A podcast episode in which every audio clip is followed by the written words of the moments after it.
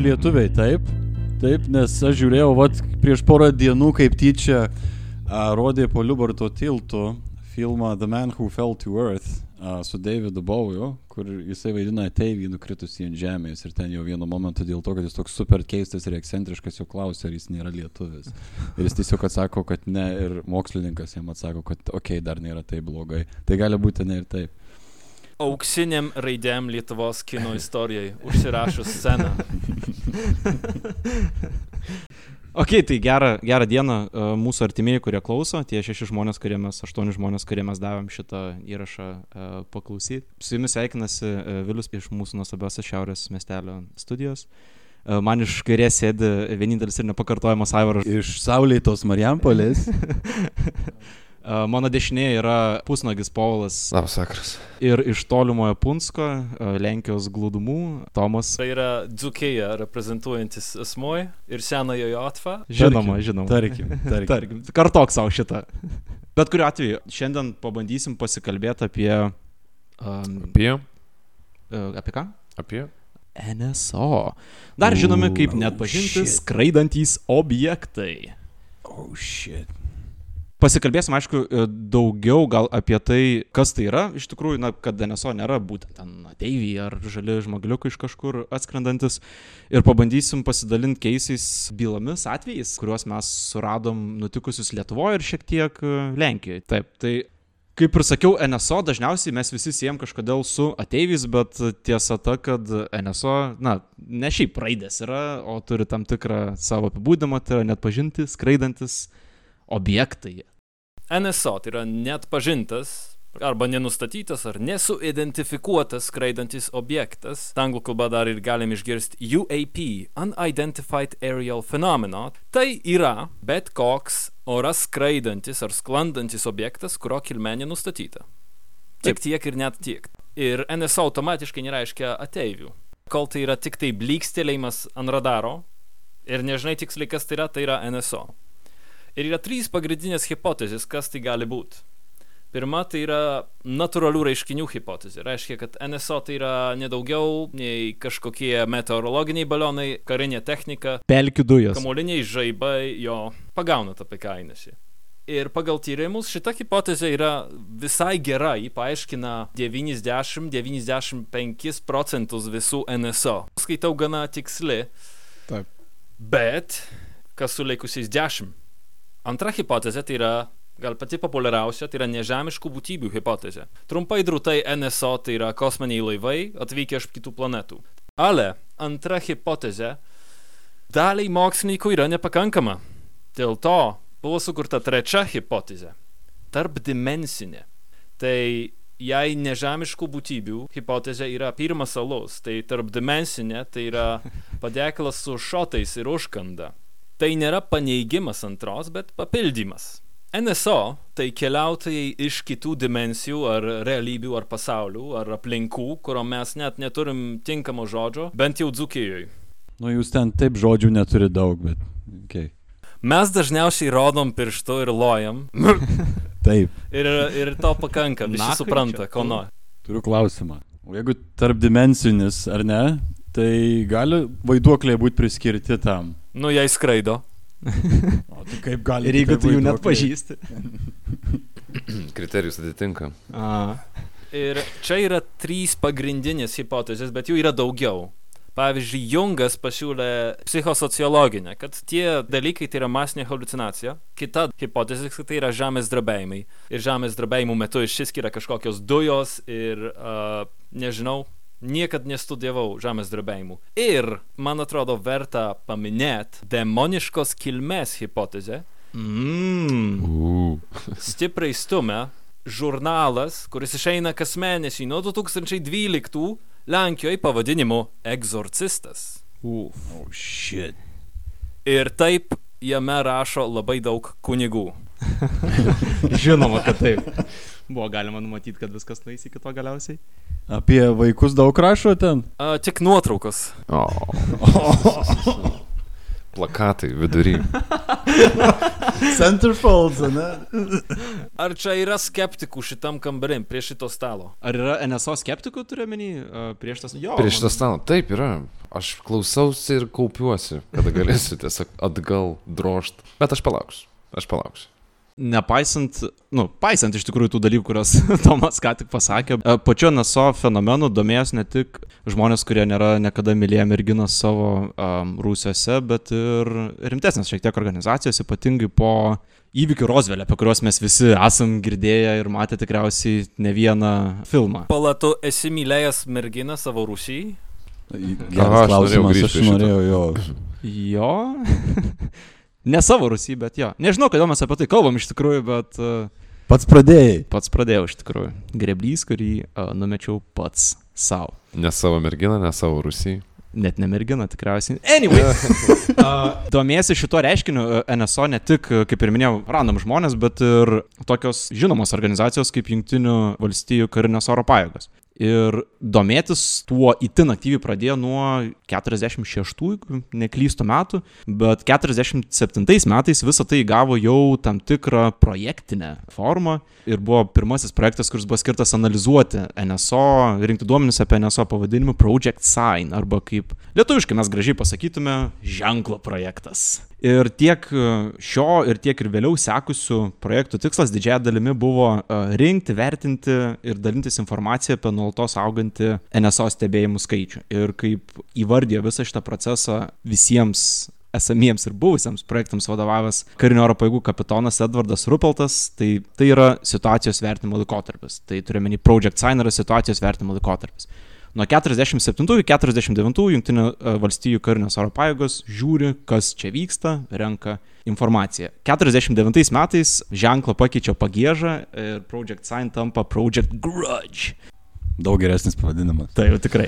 O yra priežastis tam? Yra, tam priežastis yra. Priežastis beje buvo tokia, kad karinės oro pajėgos pakankamai nemėgo žmonių, kurie tyrė NSO. Ir dalis tų žmonių, kurie dirbo su Project Sign, pradėjo pateikti pagrindinį paaiškinimą NSO fenomenui kaip nežemiškų civilizacijų reiškinį. Tai, na, kukliai tiesiog pabaigė Project Sign ir pradėjo Project Grudge. Poreikis fiksuoti NSO niekur nedingo, dėl to, kad bandė išsiaiškinti, ar tai grasina nacionaliniam JAV saugumui ir iš viso kokią reikšmę tai turi, bet pagrindas buvo antrojo projekto rinkti informaciją jau nebe užrašant skambintojų pranešimus, bet naudotis žvalgybiniais metodais ir vengti bet kokio šališkumo šitoje vietoje. Ir šitas projektas taip pat galiausiai baigėsi ir 52 metais perėjo į stadiją, kurią mes visi tikriausiai gerai žinom iš e, X-File'ų ir kitų mokslinės fantastikos filmų, tai Project Blue Book, a, Mėlynosios knygos projektas. Mėlynosios knygos projektas yra, na, detaliausias žinomas NSO tyrimas iki šiol, bent jau mums žinomas tyrimas, koks buvo. Oficialiai projektas buvo vykdomas iki, na, 70 metų, taip jau tapo su nusileidimais Menulyje. Bet Mėlynosios knygos projektas realiai vyko ne 16 metų, kaip e, sako skaičiai, kada jis buvo pradėtas ir kada baigtas, o du metus. Ir apie tai sako, na, paviešinti dokumentai ir su tuo dirbusių žmonių liudijimai. Vienas iš argumentų nustoti rimtai žiūrėti į NSO po dviejų metų buvo tai, kad NSO galima paaiškinti, ištiriant kiekvieną atvejį detaliai. Vis dėlto, detaliau visų stebėjimų niekas netyrė, kalbėdami, kad tūkstančiai pranešimų žvalgybos pareigūnam sukelia riziką, kad jie nepamatys tikrų pranešimų apie tikrus pavojus, nepamirškim, kad šaltojo karo įkarštis ir atominis karas tikriausiai buvo aukštesniam prioritetų sąraše negu keistos nepastebėtos šviesos danguje. Bet būtent šitas paaiškinimas beje yra viena iš priežasčių, kodėl NSO buvo laikomi sovietų planu trukdyti JAV darbą, kaip ir viskas tikriausiai 50 metais buvo laikoma kažkuo kažkuo, kažkuo panašiu. Nu, blogoji imperija puola. Blogoji imperija puola iš tikrųjų.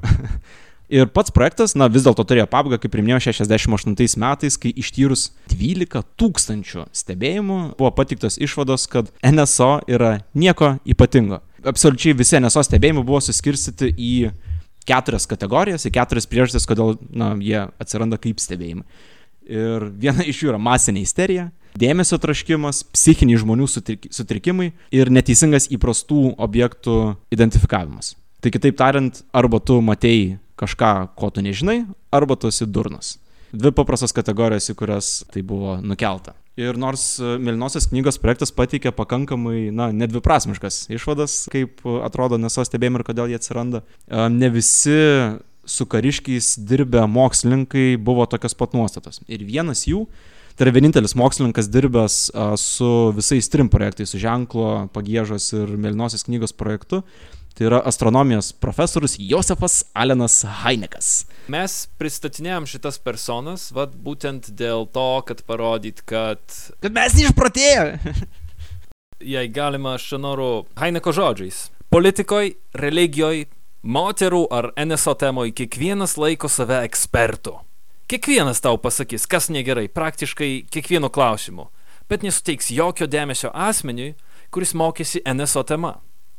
Tačiau jei tie žmonės kalbėtų apie smegenų chirurgiją ar širdies transplantaciją, greitai pripažintų, kad yra šitų sričių ekspertų, kurie skiria jai deramą dėmesį. NSO srity jiems paprasčiausiai atrodo, kad žino ir supranta tiek pat, kiek ir visi kiti. O pasirodo ne. Pasirodo yra žmonių, kurie kaip ir studijuoja šitą, šito užseima ir daro šitą moksliškai. Heinekas šioje vietoje atstovauja, na, mokslišką NSO vertinimo pusę. Jis vokietis. Ne, jis ne buvo. vokietis. Šiaip Heinekas yra Amerikoje gimęs čekų tėvų vaikas, gimęs, jeigu neklysiu, 1910 metais. Prieš tapdamas kariuomenės konsultantų NSO klausimais, Heinekas buvo civilis mokslininkas Johno Hopkinso universitete, taikomosios fizikos laboratorijoje. Karui pasibaigus, jis grįžo į Hajo valstijos universitetą, į fizikos ir astronomijos katedrą, kur ilgainiui tapo astronomijos profesoriumi. JAV karinės oro pajėgos jį pasikvietė kaip konsultantą vertinti NSO stebėjimą, kadangi jis buvo, na, astronomijos profesorius. Ir dar be to e, labai skeptiškai nusistatęs prieš patį NSO fenomeną. Tai 48 metais jo paties žodžiai buvo, kad visas šitas reikalas atrodo jokingas ir išblės kaip ir visos mados. Bet tikriausiai mes apie jį šiuo metu nekalbėtume, e, jeigu jisai nebūtų savo nuomonės ilgainiui pakeitęs. Tai dar 53 metais, jau dirbdamas su Milinosios knygos projektu, Heinekas pradėjo dvėjoti, ar karinės oro pajėgos ieško tiesos, ar tiesiog siekia diskredituoti NSO kaip temą, ne kaip net pažintus skraidančius objektus, bet tiesiog kaip temą, į kurią nereikia žiūrėti. Ir didžiausiai įtarimą jam kėlė atvejai, a, kuomet apie NSO praneždavo ne civiliai, ne išprotėjus mučiutę, o karinio oro pajėgų pilotai, policininkai, na ir kiti, sakykime, nors kiek treniravimo turėjo žmonės matyti objektus ore arba bent jau juos nereaguoti taip emone- Sistemoje emocionaliai. esantys žmonės. Sistemoje esantys žmonės, taip, taip, kurie neturi kažkokio tai, nežinau, pergalės iš to, kad prieš tą sistemą kovos, ne? Ir, ir jiem negalioja tie keturi punktai. Taip, ir jiem negali, nes negali sakyti, kad tavo paties pareigūnai yra išpratėję arba Taip. ieškantis dėmesio. Pats Heinekas laikėsi nuostatos, kad NSO fenomeną reikia debunkinti ir kaip pats sakė, jam tas darbas patiko. Jam patiko būti NSO fenomeno debunkeriu.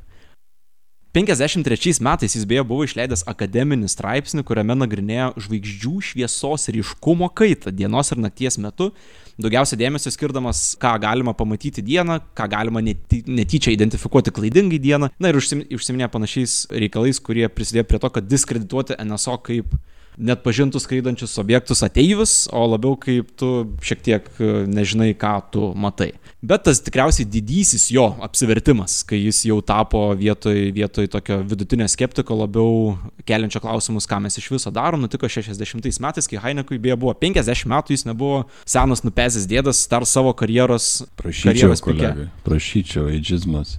na, žinai, kam, nepa, kam nepasitaiko.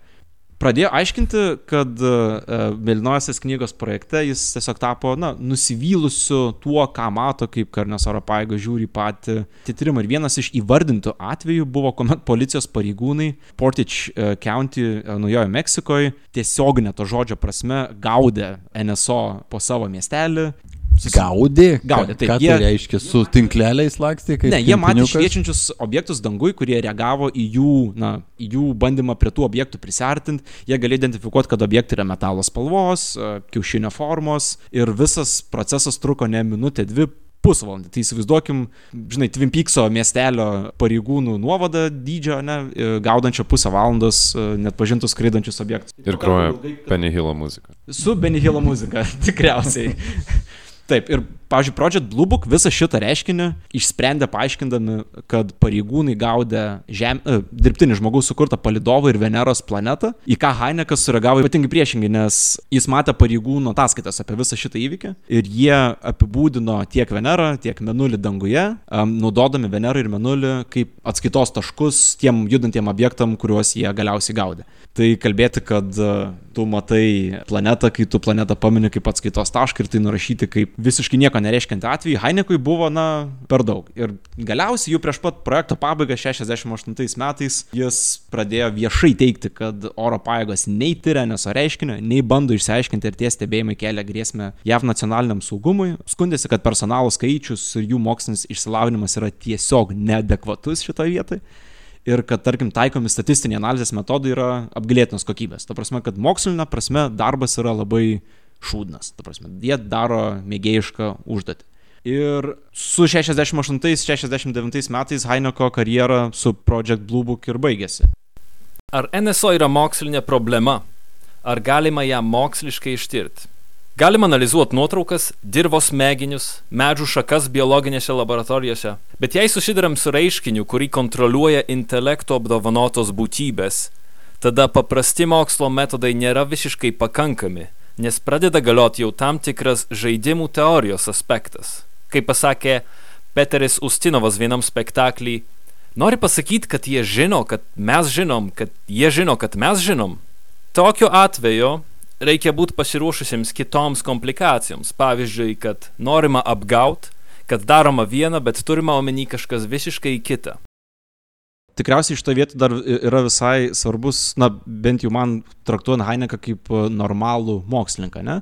Tai svarbus aspektas tai, kad bent jau tol, kol jis dirbo su kariniam oro pajėgom, tol, kol buvo aktyvus profesorius, niekada neteigia, kad NSO yra ateiviai. Ta prasme, kad tai, ką mes matom danguje, yra ateiviai, kad mes turim kažkokį susidūrimą su žaliais žmogeliukais.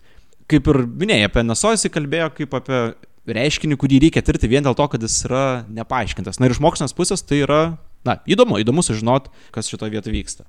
Reikėtų man paminėti, kad, na, Heinekas į karjeros pabaigą ir gyvenimo pabaigą vis labiau suko tuo keliu, už kurį tikriausiai dalis žmonių dabar jį galėtų laikyti kaip, na, ne tikrą mokslininką ar ne tokį mokslišką gal žmogų.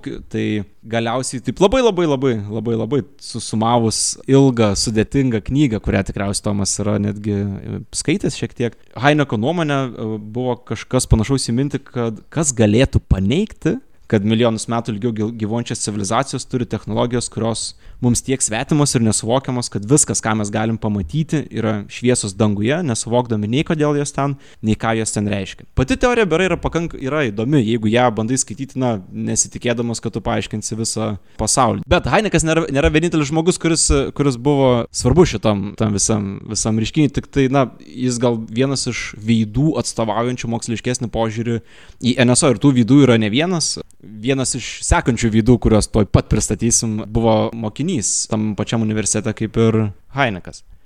Oho, Žakas Valė. Nuostabios išvaizdos vyras, beje, ne, nepamiršau. Šitas vardas labai dažnai minimas ufologijoje. Lietuviškai tai būtų uh, Jacekas Slenis arba Klonis. Lietuviškai. Lietuviškai. Jacekas būtų vienas lietuviškiausių vardų. Jokūbas. Absoliučiai.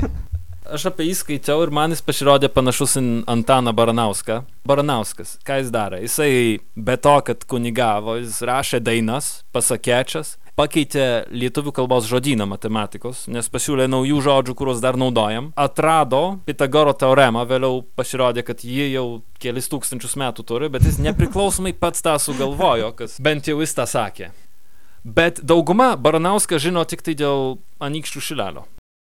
Taip pačiai Žakas Valė, žinomas beveik vien tik tai iš ufologijos, nors jis padarė belenkiek daug darbų. Jis yra matematikas, informatikas, astronomas, inžinierius ir dar apdovanojimų laimėjęs rašytojas.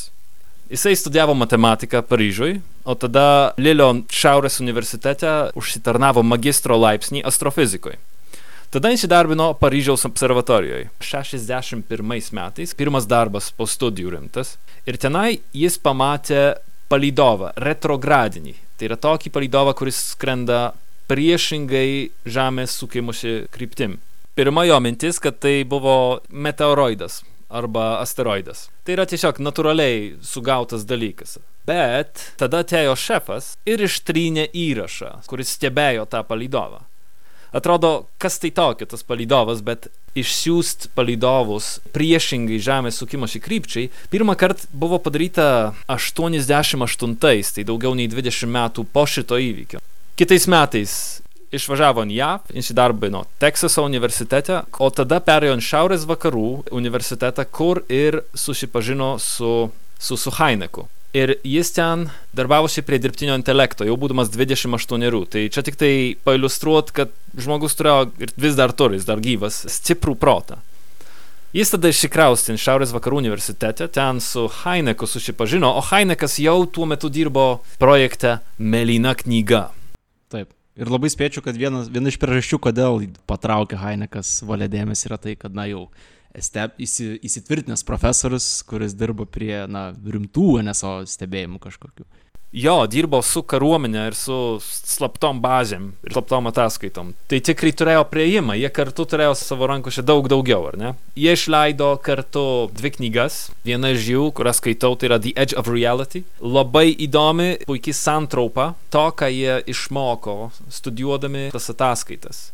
Norintiems susipažinti su valia, rekomenduoju pažiūrėti bent jau TED Talką, kuris pasako apie fiziką ir fizikos ribas nesusijus su NSO, bet parodo, nu, žmogaus kompetenciją. Tiek Heineko, tiek Valė darbo vaisiais laikoma skalė artimųjų su... Verčiant, man atrodo, artimų susidūrimų skalę, susidūrimų skalę tiesiog. Žodžiu, skalė dalina visus susitikimus NSO į dvi grupės bendras. Tai yra saliginai tolimus stebėjimus ir saliginai artimus stebėjimus. Jeigu objektas yra toliau nei 180 metrų nuo žiūrovo, 200, tada tai yra... Sakykime, 200. Tebūnie 200. Saliginai tolimi stebėjimai dalinami į tris dalis. Tai yra naktinės šviesos, dieniniai diskai ir radaro fiksavimai. Saliginai artimi stebėjimai, jie dalinasi į tris grupės pagal Heineką, tai yra CE1, Close Encounter 1, 2 ir 3. Pirmojo laipsnio kontaktai yra tada, kai objektas arčiau nei 200 metrų, NSO matosi netoli, bet pats NSO jis niekaip neveikia savo aplinkos. Nepalieka po savęs jokio ženklo, išskyrus, kad matosi. Antrojo laipsnio kontaktai tai yra, kai NSO paveikia aplinką. Pavyzdžiui, sustabdo mašiną ar išjungia elektroninius prietaisus, išdegina skylės žemai arba palieka didžiulį degančių padangų kalną kažkokioj dzukijos sostiniai. O dar tu su padangą sutemk? NSO labai turi daug laisvo laiko, sprendžiant iš to, ką jie daro dažniausiai. Tai akivaizdžiai. padangų tampimas tikriausiai vienas. Antro laipsnio encounteris, na, susidūrimas tikriausiai būtų kažkas tokio, kas palieka fizinius įrodymus, jeigu teisingai suprantu. Taip. O trečiojo laipsnio kontaktas yra, kai pastebimas ne tik NSO, bet ir būtybė viduj arba už jo ribų. Žakas Valė papildė šitą skalę ketvirtu laipsnių. Tai yra, kai liudininkas yra pagrobiamas ar yra kažkoks kitoks tiesioginis kontaktas tarp būtybių. Pats seks. Tai, apie ką tu kalbi, Aivarai, yra septintojo laipsnio kontaktas. O, oh, shit. Gerai, gerai, gerai. Tesk. Penktojo laipsnio, kai yra tiesioginė komunikacija tarp žmogaus ir, a, sakykime, ateivio. Šeštas laipsnis, kai yra žmogaus ar gyvūno mirtis. Ir septintas laipsnis - žmogaus ateivio hybrido sukūrimas per dirbtinį ar natūralų apvaisinimą. Tikri tarptautiniai santykiai. Tarp galaktiniai tikriausiai santykiai. Jo, ne, neleiskim tai, iš kurios mes planetos esam, užbrėž kažkokias ribas uh, santykiams, kokius mes galime turėti. Ta prasme. Tai mūsų varžo tik tai. Rasizmui nėra vietos planetai. Visą šitą teoriją, teorinę dalį, kurį, kurią jūs girdėjot, ką tik ta labai labai įdomi teorinė dalis, kurią reikia būtinai girdėti, kad suprastum, kodėl mes apie tai kalbam. Vainikuoja tikriausiai įdomesnė dalis NSO tyrimų arba NSO viso pasaulio, tai yra susidūrimai su NSO. Ir šiandien turim kelis atvejus apie susidūrimus su NSO Lietuvoje, šiek tiek Lenkija bus, bus pakabinta, bet užbėgant įvykiam už akių, aš gal tik tai norėčiau paminėti šaltinius, iš kur mes gavom šitą informaciją. didesnė dalis lietuviškų susidūrimų yra iš e, Kazio Pulausko literatūros. Nežinantiems, Kazys Pulauskas yra um, mokslinės fantastikos rašytojas, vienas pirmųjų Lietuvoje. Savo aktyvių periodų buvęs, man rodos, nuo late 70s iki tol, kol mirė kažkada 2003 gal.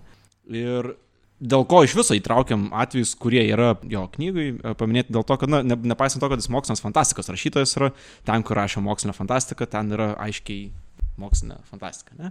Ir atskira knyga pavadinimu Pasaulio paslaptys, kurioje jisai kalba apie ufologiją, apie tą patį Melinosios knygos projektą, susidūrimus Sovietų sąjungoje su net pažintais skraidančiais objektais.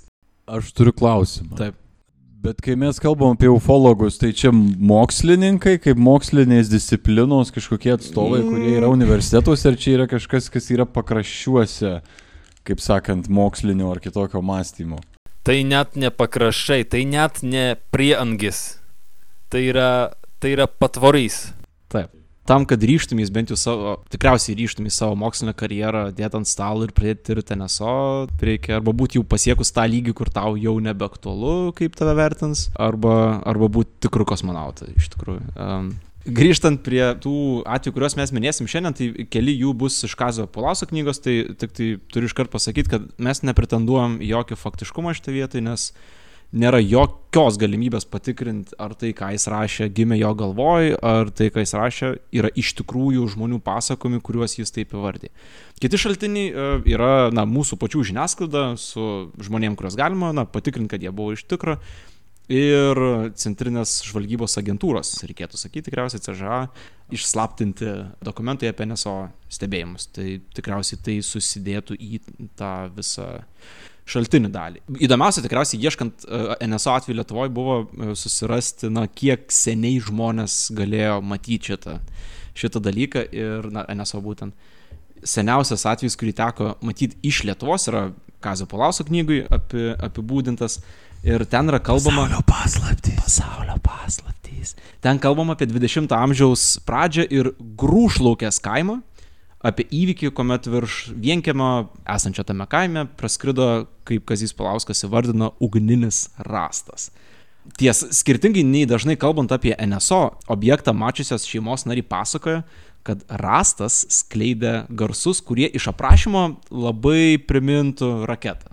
Kitaip tariant, kuo arčiau rastas buvo, tuo didesnį garsą šeimos nariai girdėjo, prieitėjus prie namo nuo garso drebėjo langai ir jis kaip pradėjo tolt, garsas pradėjo silpnėti. Tai kiekvienas šiaulėtis, sakykime, šiais laikais tokią garsą pramiega, nes yra pratę girdėti naikintuvus ir kitus. Šiaip sprogimus kieme. Sprogimus, jeigu jo kalbėtume apie ankstesnį kažkokį laiką. Bet šiuo metu mes kalbam apie laiką prieš pirmą pasaulinį karą, kai nebuvo nei raketų, nei reaktyvinių lėktuvų man atrodo, kažko panašaus yra buvę seno, bent jau Lenkijoje, taip? 1892, U, kuris beje mini ir Lietuvą. Ir čia yra incidentas iš Lenkijos ir Lietuvos.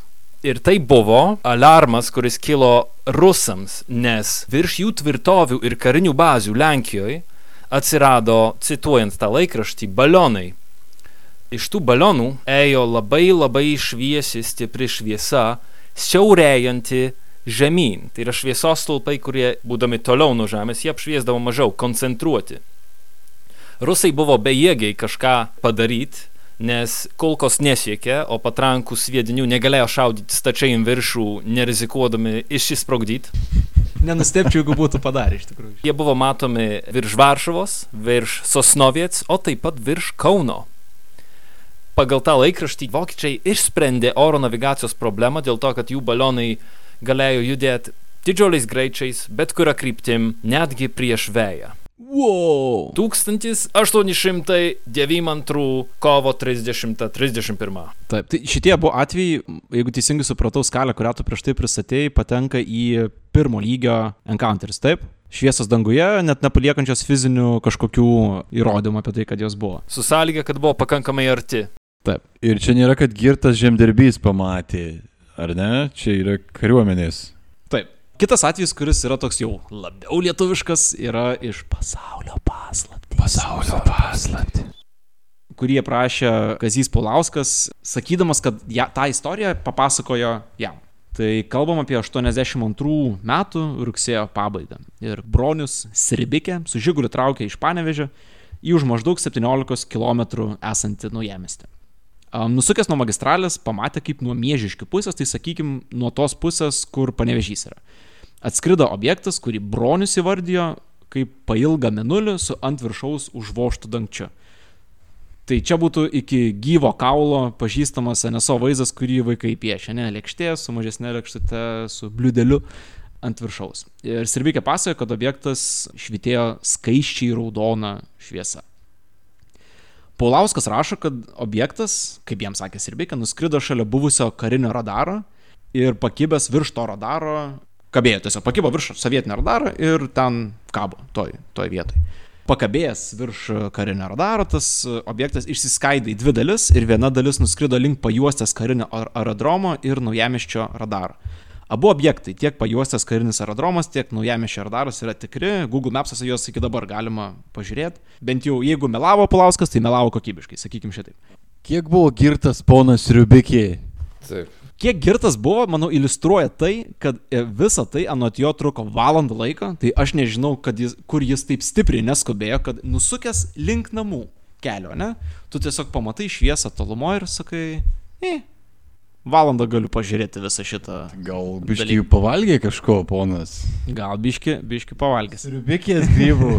Labai gali, labai gali būti, bet bent jau, kas man suteikia kažkokį bent jau dalinio pasitikėjimo to, kad kalbama apie įvykį, kuris gal nutiko, bet yra prastai užregistruotas, yra tai, kad tiek atstumai, kuriuos įvardė nuo panevežį iki naujamiščio, tiek pusės, iš kur atskrido, yra tikrai gerai sužiūrėti. Ta prasme, jeigu bandė sufalsifikuoti istoriją, tai bent jau bandė tą padaryti ne, nemėgėjiškai. O labai gali būti, kad ir pasakojo tai, ką matė, nebūtinai, kad tai nutiko.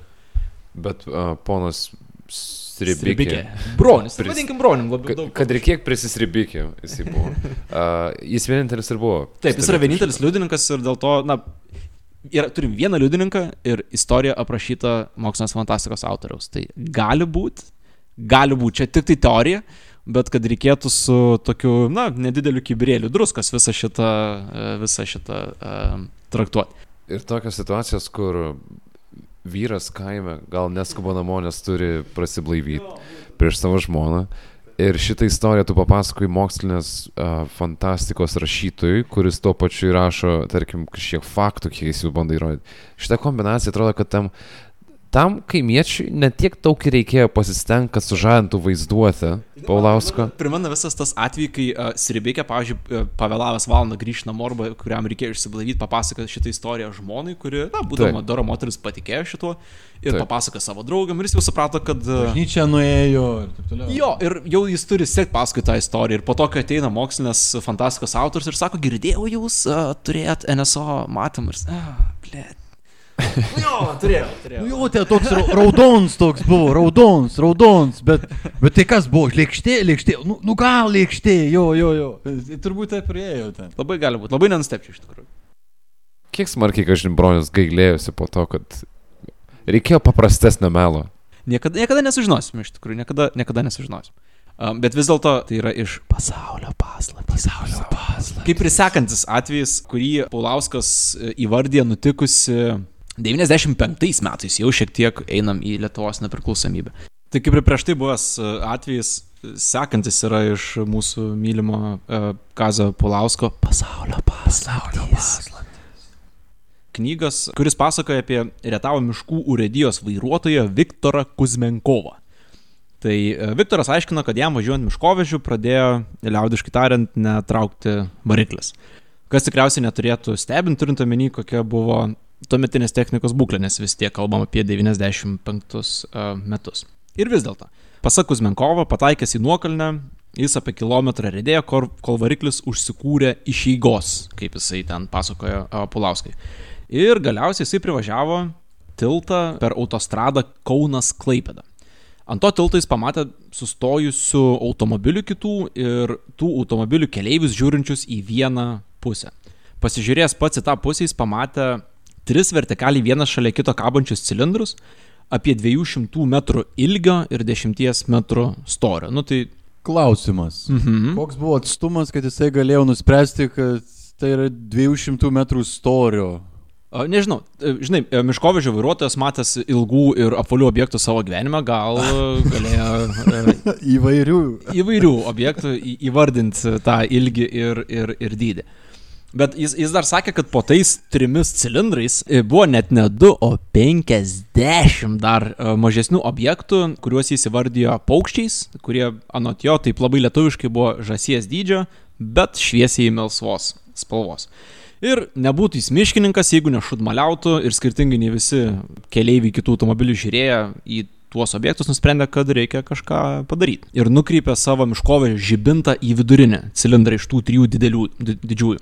Į šitą veiksmą cilindrai sureagavo, pasiuntė mažą cigaros, cigaro formos objektą, kuris prieartėjo link e, visų keleivių ir paties Kuzmenkovo.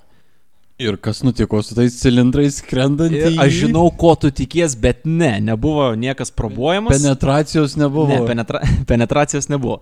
E, Galiausiai, kaip Kuzmenkovas pasakoja, visi žmonės, kurie stebėjo tą vaizdą, pradėjo jausti labai stiprų galvos skausmą ir tai baigėsi tik tada, kada jis nusuko žibintą nuo vi- vidurinio didžiojo cilindro. Šiuo atveju, ką mes turim, tai irgi tikriausiai jau palauktomo čia antro ar trečio gautųsi lygio uh, stebėjimas, susidūrimas. Žiūrint, kur tas cigaras atsirado, atsidūrė, tai gali būti ir septinto. Kaip Aivaras tikėjosi. Vėlgi, ne, ne, penetracijos nebuvo. Niekas nebuvo uh, zonduotas uh, šituo, šituo atveju. Ar tu, jeigu būtum miškininkas, prisipažintum? Būtent, ar, ar tu prisipažintum, kad buvo pamintas tavo miškininkiškas vyriškumas? Ne, tikriausiai sakytum, kad skauda galva, ne? Nu, būtent. Taip, ponia Kuzmenkovai, tai skrido link jūsų tas cigaras. Taip skrido. Ir kas tada buvo? Nieko.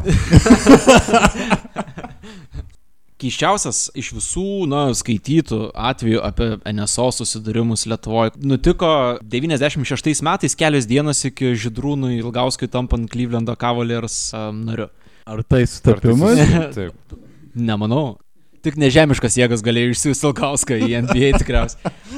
Bet mes kalbam apie Birželio 25 dieną, 96 metų, įvykis, kuris nutiko netoli Vilnius. Po joninių verta, ne? O, Verta pripažinti, žmonės gali būti šiek tiek paveikti. geras pastebėjimas, kažkaip nebuvau atkreipęs dėmesį į šitą, bet jo, tikrai. Ir įvykis buvęs yra, na, pakankamai įdomus, kad informacija apie jį susikonspektuotų CŽA, tai čia vėlgi 96 metai. A, 2009 išplatinus dalį CŽA dokumentų, angliška šito pranešimo versija buvo tarp top 20 dažniausiai internetu skaitomų tų išviešintų dokumentų. Ir a, dėmesio greta Vilniaus įvykęs a, stebėjimas sulaukė ir mūsų spaudoje. Pakėlė senus laikraščius bibliotekai radau, kad kitą dieną po susidūrimo įvykį pirmame puslapyje aprašė tuo metu didžiausias nacionalinis laikraštis Lietuvos rytas. Tas pats įvykis buvo aprašytas ir Respublikos trečiame puslapyje, man atrodo, tai nežinau net atitikmens šiem laikam, kas būtų, bet įsivaizduokim, jeigu Delfis ir 15 minučių visą, tarkim, ketvirtadienį laikytų antroji savo naujienui, kad oh, buvo NSO, kažkas tokio lygio tam laikmečiai, ne? Ir skirtingai nei, pavyzdžiui, prieš tai minėti atvejai, šį kartą 100 procentų galima patvirtinti, kad abu įvykį matę žmonės yra tikri. Tai tuometinį Vilnius rajono kelių policijos patrulį Jaunius Požėra ir Laimutis Kraujelis. Požėra šito istorijoje yra vyresnysis pareigūnas, o Kraujelis jaunesnysis pareigūnas. Tai pavyko atkas beje, kad Kraujelis teisėsaugui dirba veikiausiai iki dabar, bet na, paskutinė informacija apie jį buvo iš 2017 metų. Ir tuomet polit, Lietuvos policijos kriminalistinių tyrimų centras jį įvardijo kaip pas juos dirbantį poligrafo specialistą. Tai šiek tiek ironiška, ne, kad žmogus susidūręs su NSO paskyrė savo gyvenimą band, bandymu išsiaiškinti, kas yra tiesa ir kas ne. Ir negana to vienintelė fotografija arba informacijos atvejis su juo internete yra fotkė iš konferencijos poligrafo specialistų, kuri vyko a, Las Vegase, Nevadoj. Vietos, kurios nežinau kaip kitaip pavadinti negu NSO tėviškės. Man daugiau įrodymų nereikia. Čia viskas aišku.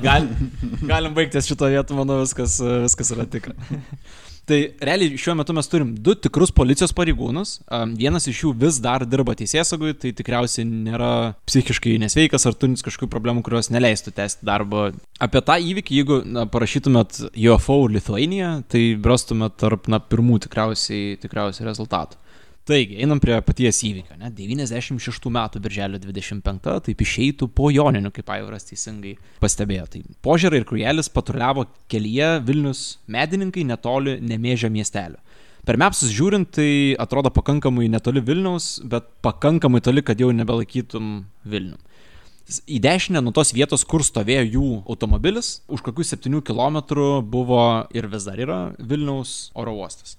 Požiūrė pasakoja, kad jie stovėjo sankryžai netoli kažkokios kūdros, nes, na, matavo pravažiuojančių automobilių greitį, tai, nu, dirba savo darbą. Tuo metu jie sėdėjo automobilio viduje, kol požiūrą dėl neįvardintų priežasčių, bet veikiausiai, na, aš nežinau kitų priežasčių naktį, dėl kurių tu išeitum pasivaikščioti, tai pramankštin kojas, sakykim, išėjęs pamatė keistą šviečiantį objektą. Kaip jis pasakojo Lietuvos rytui, jis matė apskritimą, kuris buvo netoli e, jų buvusio tvenkinio. E, objektas kabojo maždaug 20-30 metrų aukštyje, pasak jo buvo tuščia viduris, matėsi punktyriniai kraštai ir kabojo horizontaliai. Požiūrą žurnalistam pasakojo, kad baltas šviesas kleidžiantis brūkšniai sukosi aplink savo ašį. Tai galima maždaug įsivaizduoti ir kaip pakankamai stereotipinį NSO aprašymą. Įdomesnė dalis na, yra tai, kad pasak požiūros objektas pulsavo, tai a, išsiplėsdavo ir susitraukdavo ir savo didžiausiam, na, tai yra savo siauriausiam taške būdavo maždaug 5 metrų pločio, savo na, labiausiai išsi, išsipūtęs būdavo apie 50 metrų ir kuo buvo didesnis, tuo blankiau švietė, tai kažkaip šviesa susijusi su jo, jo dydžio. Ne? Ir kad pagyvint skaičius, tai nu 50 metrų yra 13 aukštų daugiabutis, tai tu matai nuo 5 metrų iki 13 aukštų pastato dydžio objektą danguje. Ir kurį laiką jisai pastovėjęs požiūrą vyresnysis pareigūnas nusprendė, kad jam jau, nu, gal kažkas ne taip, ne? Ir jis nuėjo pasikviesti jaunesnį pareigūną, paklausti, ar e, tu matai tą patį, ką matau aš. Ir tas pareigūnas, na, jaunesnysis kruelis patvirtino, kad e, taip, matau tą patį, ką ir, ir tu. Tai abu matydami šitą objektą ir sakant geriausius siaubo filmų scenarius, tai abu vyrai nusprendė, kad reikia išsiaiškinti, kas čia vyksta, ne? Lietuvos rytui pasakojo, kad paėjo maždaug 50 metrų į objekto pusę link tvenkinio, virš kurio tas objektas buvo. Išgirdo keistą garsą, kurį jie apibūdino kaip mechaninį ar elektroninį traškėsi. Kaip požiūrė sakė, kaip jeigu du laidus turėtum, nukirptų šalia vieną šalia kitą ir būtų tas elektrinis... Pasijungimas. Jo, spraksėjimo, spraksėjimo garsas. Ir pasakiau, garsas kartojasi periodiškai su trumpom pauzėm, tuo pat metu apskritimas dangui juda visą laiką. Priartėjus prie garso šaltinio, spraksėjimas liaunasi ir pasitraukia šiek tiek toliau nuo jų į kitą vietą.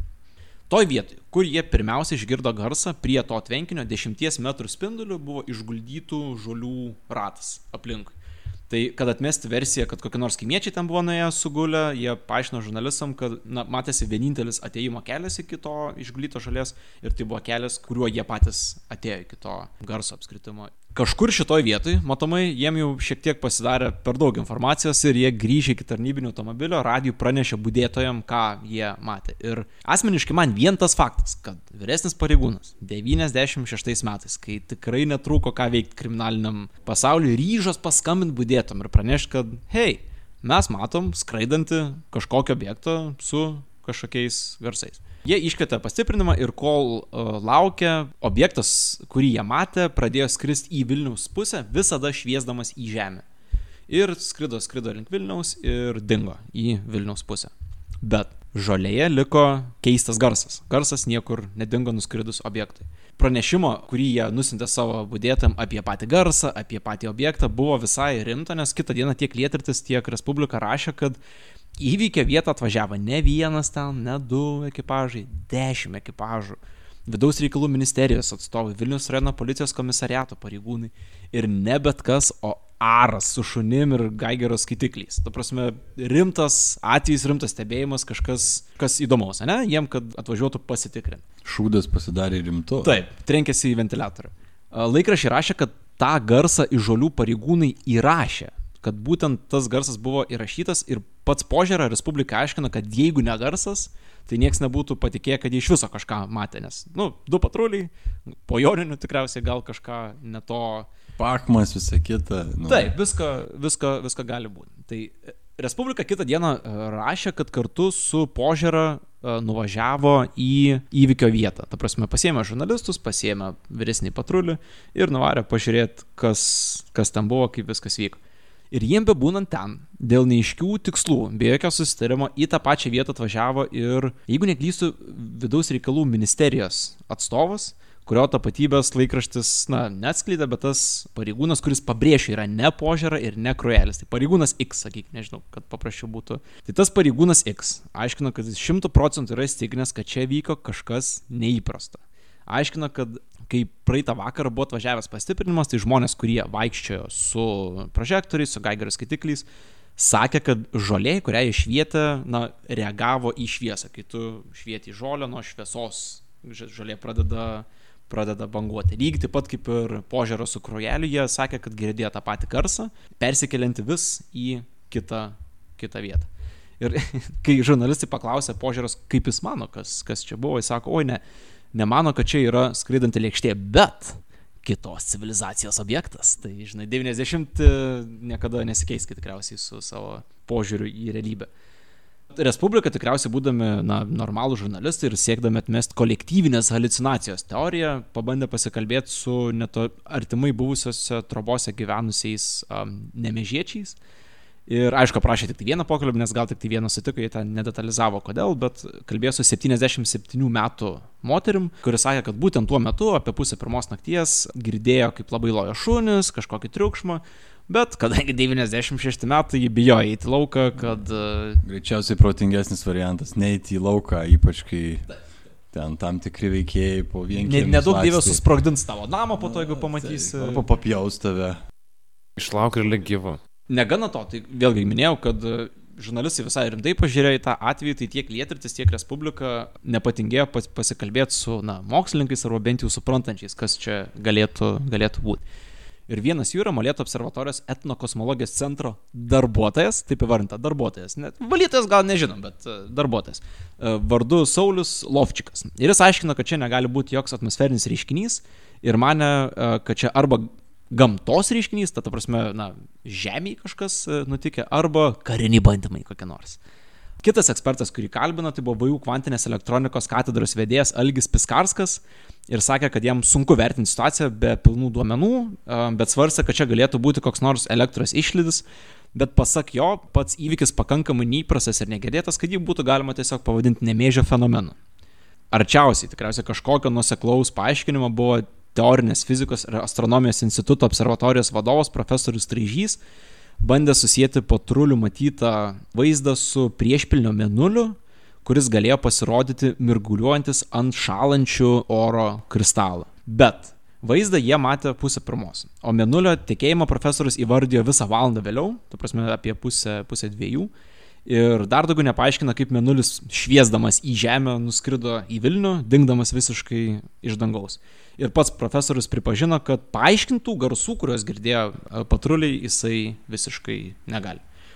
Šitoks rimtas tyrimas buvo padarytas, sakyčiau, kaip tam laikui. Žurnalistai pasistengė tikrai. Trūko šito. tik ekonomikos daktaro Gitano Nausėdos komentaro šiuo atveju. Tuo metu galimai e, buvusio Vokietijai vis dar, ar jau, ar jau grįžęs buvo? A, aš vat nepamenu. Minė SEB būstinės buvusio SS pastato, kažkada nepamirškim Taip. koridorius. Tai šiuo atveju ką mes turim? Turim du tikrus pareigūnus, kurie matė tai, ką jie matė, dešimt ekipažų atvažiavusi tirti įrašytą garsą, kurio įrašą dėja mes neturim, bet bent jau žiniasklaida apie tai rašė. Aš turiu klausimą. Pabandykime. Tikrųjų, man prašome, man įdomu, kas nutiko su antruoju pareigūnu.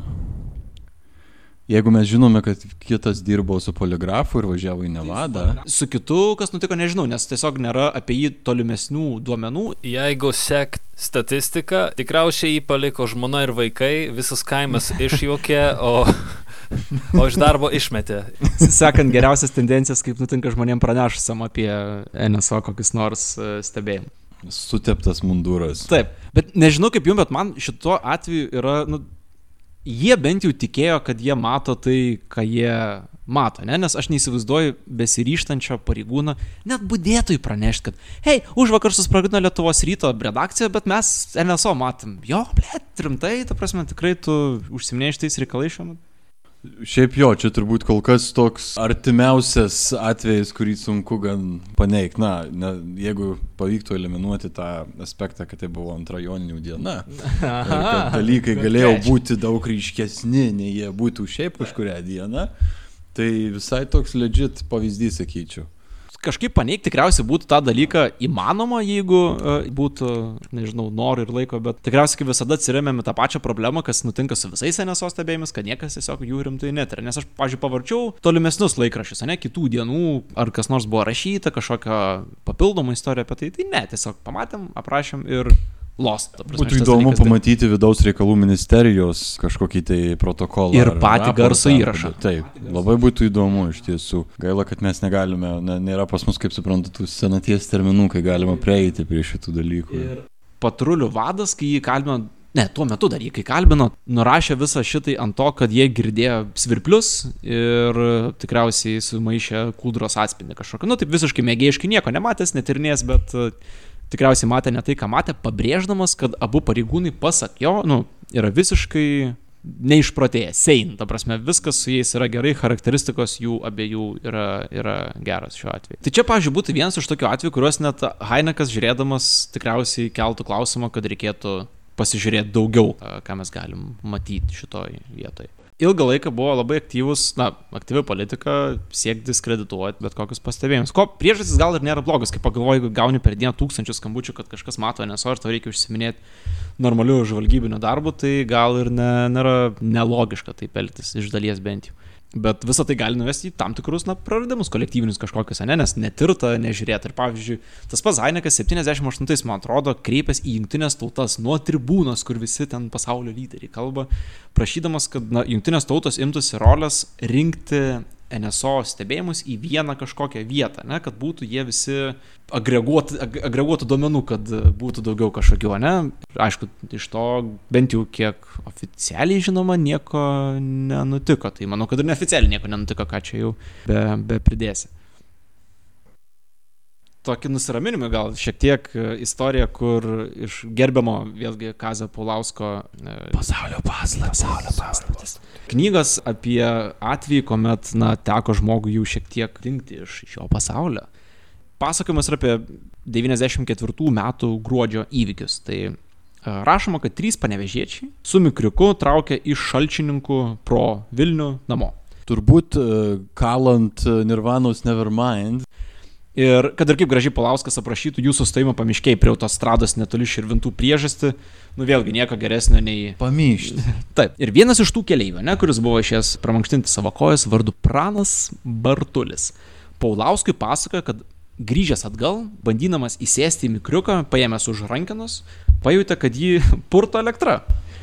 Aplinka apšvito, viskas pavirto į ryškę, ryškę šviesą ir kas vyksta, jis suprato tik tai pažiūrėjęs į apačią, kai pamatė, kad mikriukas yra jau mažas objektas ant žemės. Nes jis jau yra viršui, bičia pradėjo kelti dangų, ta prasme, literaliai. Ir daugiau jis nedaug ką matė, bet, nes prado sąmonę ilgainiui, bet pasakojo Pulausui, kad nejautė baimės, nejautė jokių rūpešių, jautė tik palaimą, gerą tokį jausmą. Nu, yra tam tikrų dalykų, kurie leidžia tai pasijausti. Gali būti, visko gali būti, ne, nenustepčiau. Įdomesnė dalis tikriausiai ta, kad už kažkiek laiko jis atsibudo laukuose, nežinodamas nei kiek laiko buvo dingęs, nei kur buvo dingęs, nei kur dabar yra, tiesiog atsibudo po dangum laukuose. O jo neieškojo niekas? A, prieisim prie šitos dalies. Autostrados jisai ne, negirdėjo ir pamanė, kad eina, na, nežinau kaip jis nusprendė, ten to nerašė, bet pamanė, kad eina į Vilniaus pusę. Ir galiausiai prie, prie ukmergės. Tai visiškai į priešingą pusę negu, negu jisai kadėjo. Ir už 27 km kažkur nuo ten, kur jie buvo sustoję. Tai jis atsibudo už 30 km laukuose. Ar jis atsibudo nuogas? Ne, atsibudo jisai su rūbais, bet ten detaliu aprašant visą tą istoriją buvo, kad jis neteko sąmonės, vėl atsibudo, matė šviesas, jautė palaimą, vėl prarado sąmonę ir visą laiką tarp palaimos ir neaišku, ko aš norėjau. Pavartojo kažko man. Labai gali būti, labai gali būti. Bet jis grįžo į Panevežį ir gavo pizdino draugų, nes jie pasakojo, kad jie dvi valandas jo ieškojo miške.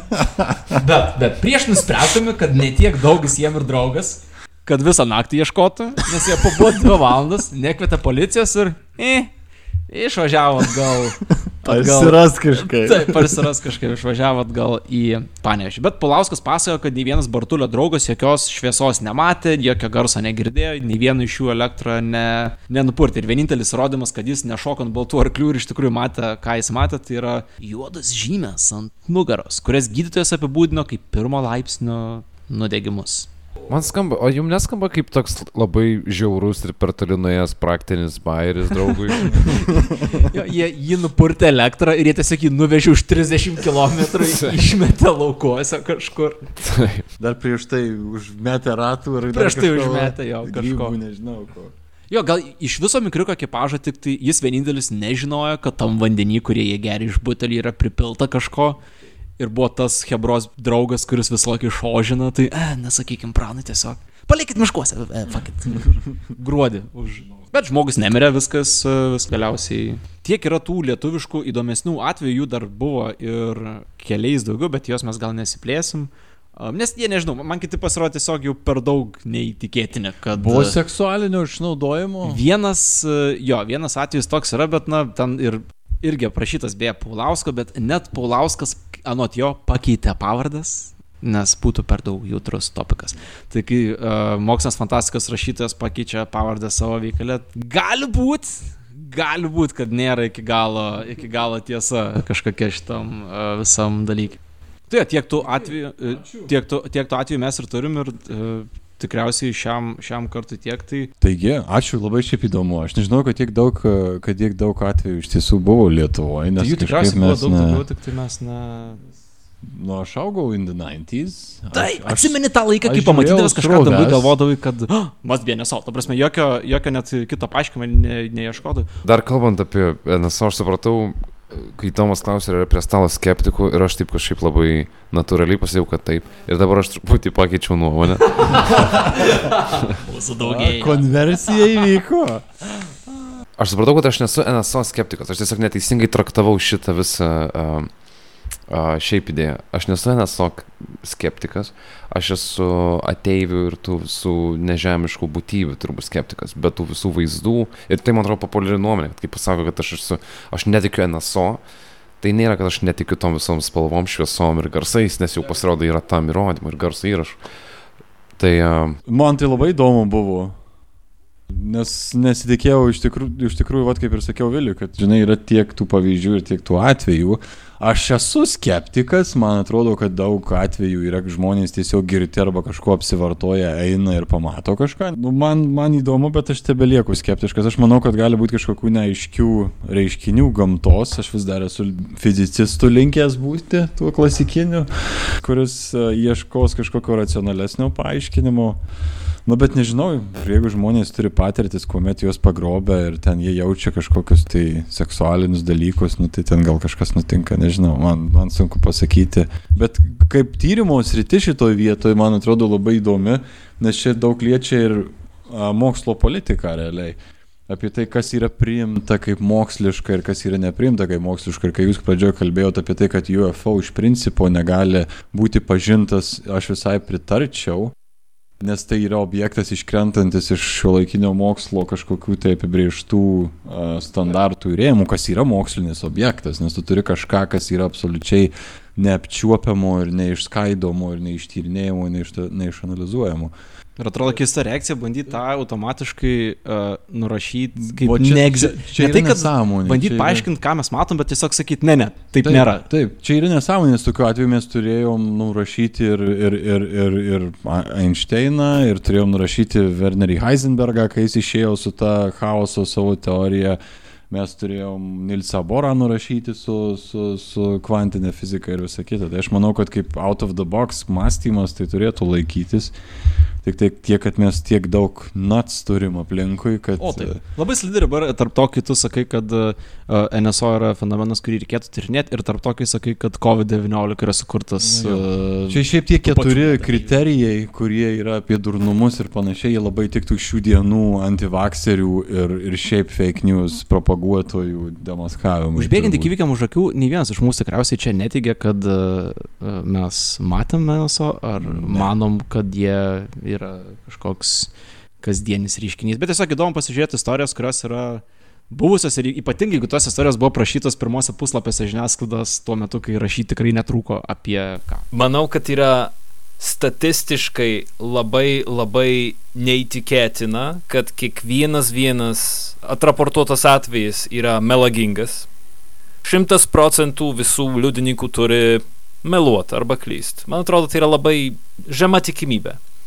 Antras dalykas, noriu pasakyti, kad netikėkit nei vieno mano žodžio, aš absoliučiai nesu ekspertas, anei gerai šitos temos neišmanau. Netikėkit Vilium, netikėkit nei Aivaru, nei Povilu, darykit savo tyrimą. Do your own research. ir antivakseris. Su savo satanistiniais pareiškiai- pareiškimais šitoje vietoje. Kaip atradęs žurnalą Exorcistas, man atrodo, visai ir verta pa, panagrinėti giliau. Buvo įdomu paklausyti, ačiū. Jo, ačiū, kad, kad klausėt. Kas klausėt? Jeigu klausėt, tai ačiū, Gabrielė. Ačiū, mama.